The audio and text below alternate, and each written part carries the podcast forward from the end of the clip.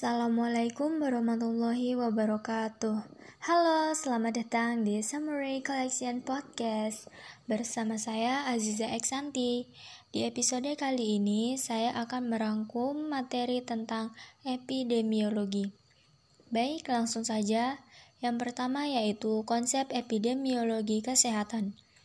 Menurut Profesor Dr. Nur Nasri Nur, MPH tahun 2008, epidemiologi adalah suatu cabang ilmu kesehatan untuk menganalisis sifat dan penyebaran berbagai masalah kesehatan dalam suatu penduduk tertentu serta mempelajari sebab timbulnya masalah dan gangguan kesehatan tersebut untuk tujuan pencegahan maupun penanggulannya. Yang selanjutnya yaitu metode atau pendekatan epidemiologi, meliputi yang pertama epidemiologi deskriptif. Di dalam epidemiologi deskriptif dipelajari bagaimana frekuensi penyakit berubah menurut perubahan variabel-variabel epidemiologi yang terdiri dari orang, tempat, dan waktu. Orang meliputi peranan umur, jenis kelamin, kelas sosial, jenis pekerjaan, penghasilan, golongan etnik, status perkawinan, besarnya keluarga, struktur keluarga, dan paritas. Yang selanjutnya tempat. Tempat adalah pengetahuan mengenai distribusi geografis, misal kota dan pedesaan, batas daerah, dan lain-lain. Dari suatu penyakit berguna untuk perencanaan pelayanan kesehatan dan dapat memberikan penjelasan mengenai etiologi penyakit. Waktu mempelajari hubungan antara waktu dan penyakit merupakan kebutuhan dasar di dalam analisis epidemiologis. Oleh karena perubahan-perubahan penyakit menurut waktu menunjukkan adanya perubahan faktor-faktor etiologis. Yang selanjutnya, epidemiologi analitik. Pendekatan atau studi ini digunakan untuk menguji data serta informasi-informasi yang diperoleh studi epidemiologi deskriptif. Ada tiga studi tentang epidemiologi ini, yaitu yang pertama studi riwayat kasus. Dalam studi ini akan dibandingkan antara dua kelompok orang, yaitu kelompok yang terkena penyebab penyakit dengan kelompok orang tidak terkena penyakit. Yang kedua, studi cohort. Dalam studi ini, sekelompok orang dipaparkan expose pada suatu penyebab penyakit atau agent.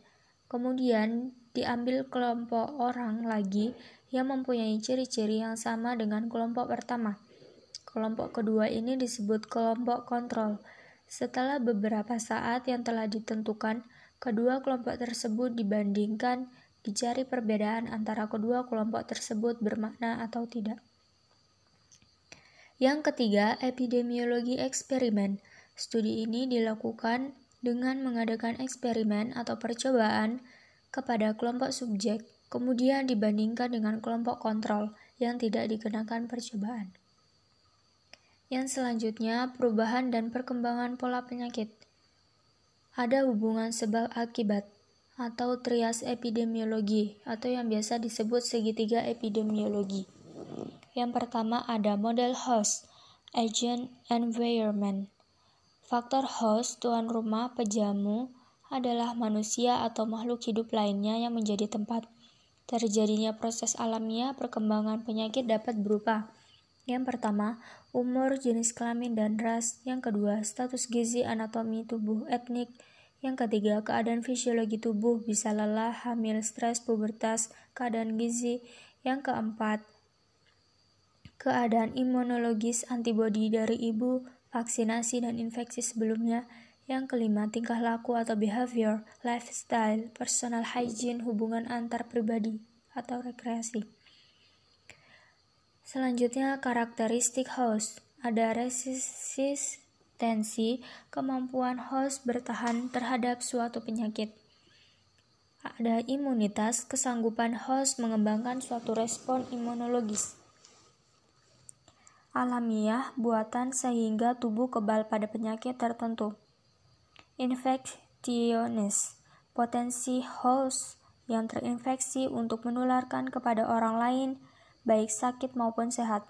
Faktor agent adalah suatu unsur organisme hidup atau kuman infektif yang dapat menyebabkan Terjadinya suatu penyakit pada penyakit tertentu dapat single kausa atau infeksi dan multi kausa.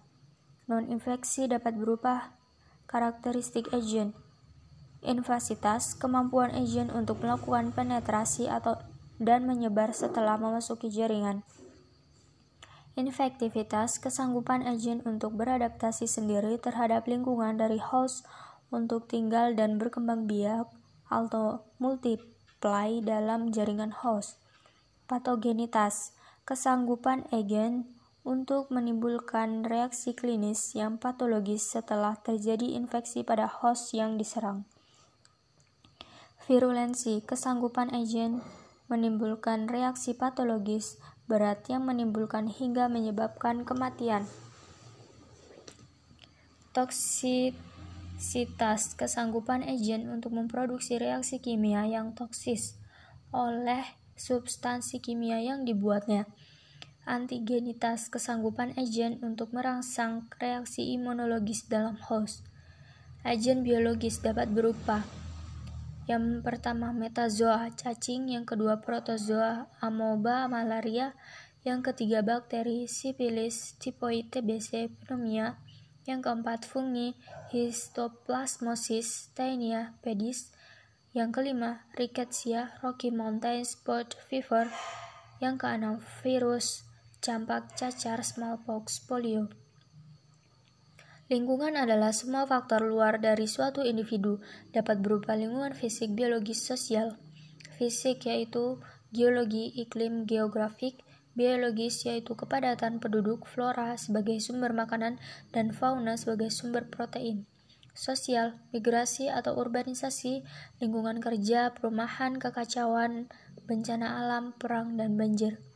Karakteristik environment yang pertama yaitu topografi, suatu lokasi tertentu, baik yang natural maupun buatan, yang mungkin mempengaruhi terjadi dan penyebaran suatu penyakit tertentu.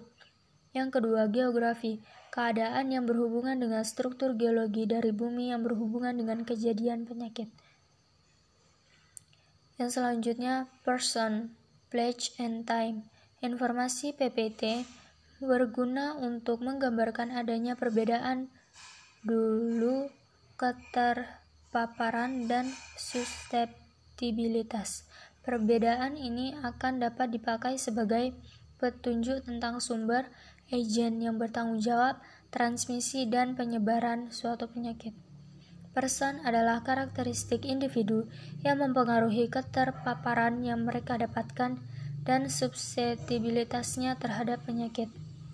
Blake memberikan petunjuk pola perbedaan penyakit yang dapat menjadi pegangan dalam mencari faktor lain yang belum diketahui dapat berupa blok, RT atau RK, kota, desa.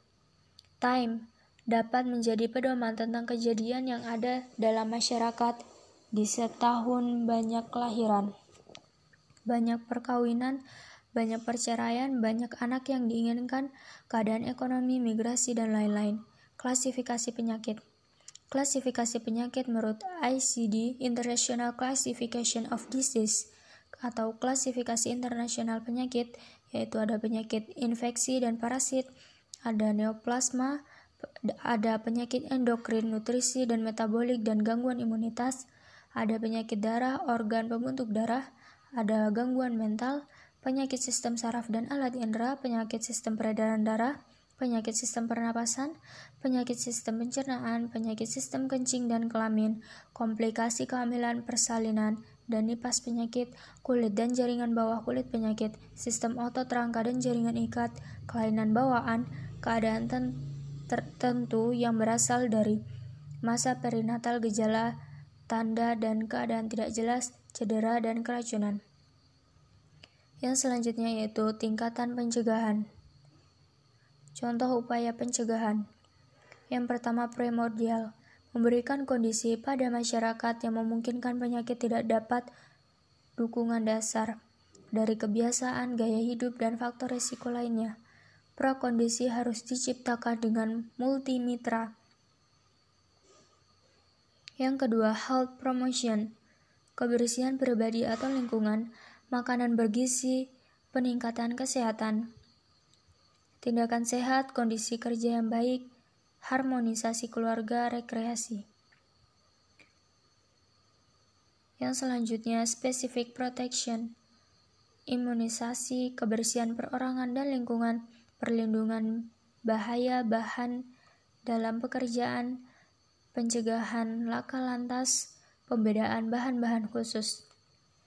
Yang keempat, early diagnosis and prompt treatment, usaha case finding, mencari kasus sedini mungkin, screening, survei selektif, pengobatan teratur, general check-up.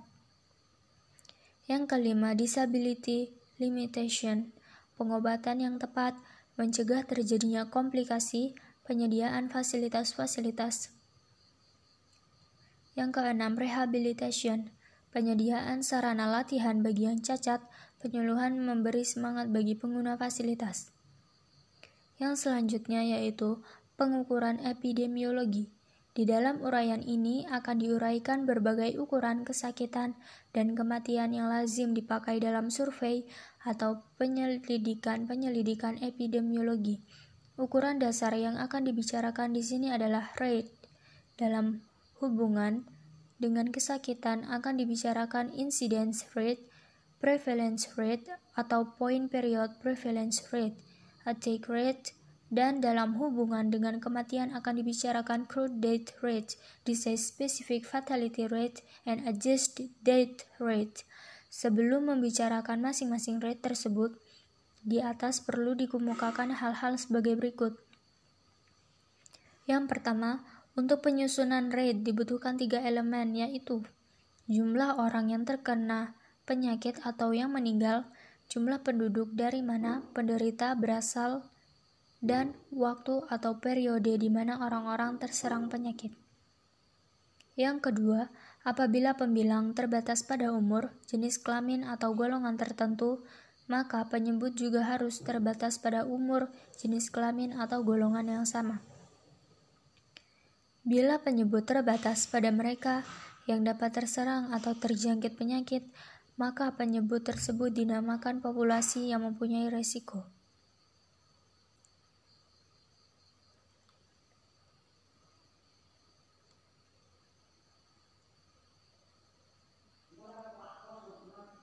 Yang selanjutnya yaitu peran perawat dalam epidemiologi.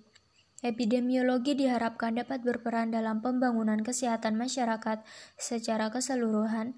Hal ini dapat dilakukan melalui kemampuan epidemiologi untuk mengetahui distribusi dan faktor-faktor penyebab masalah kesehatan dan mengarahkan intervensi yang diperlukan. Bentuk peran itu dapat dijabarkan dalam tujuh peran utama atau Valanis 10 yaitu yang pertama, investigasi etiologi penyakit. Yang kedua, identifikasi faktor resiko. Yang ketiga, identifikasi sindrom dan klasifikasi penyakit. Yang keempat, melakukan diagnosis banding atau diferensial diagnosis dan perencanaan pengobatan. Yang kelima, surveillance status kesehatan penduduk. Yang keenam, diagnosis komunitas dan perencanaan pelayanan kesehatan. Yang ketujuh, evaluasi pelayanan kesehatan dan intervensi kesehatan masyarakat. Selain itu, Bugle Hall World Health Organization tahun 1977 mengemukakan empat peran utama epidemiologi yakni yang pertama mencari kausa, faktor-faktor yang mempengaruhi derajat kesehatan dan yang menyebabkan terjadinya penyakit. Yang kedua, riwayat alamiah penyakit. Perlangsungan penyakit bisa sangat mendadak atau emergency, akut dan kronik. Yang ketiga, deskripsi status kesehatan masyarakat menggambarkan proporsi menurut status kesehatan, perubahan menurut waktu, perubahan menurut umur, dan lain-lain. Yang keempat, evaluasi hasil intervensi menilai bagaimana keberhasilan berbagai intervensi seperti promosi kesehatan, upaya pencegahan, dan pelayanan kesehatan. Yang terakhir yaitu kesimpulan. Ilmu epidemiologi sangat bermanfaat karena ilmu ini mempelajari tentang cara untuk menganalisis suatu penyakit tertentu. Baik, sekian rangkuman saya di episode kali ini. Mohon maaf bila ada kekurangan. Wassalamualaikum warahmatullahi wabarakatuh.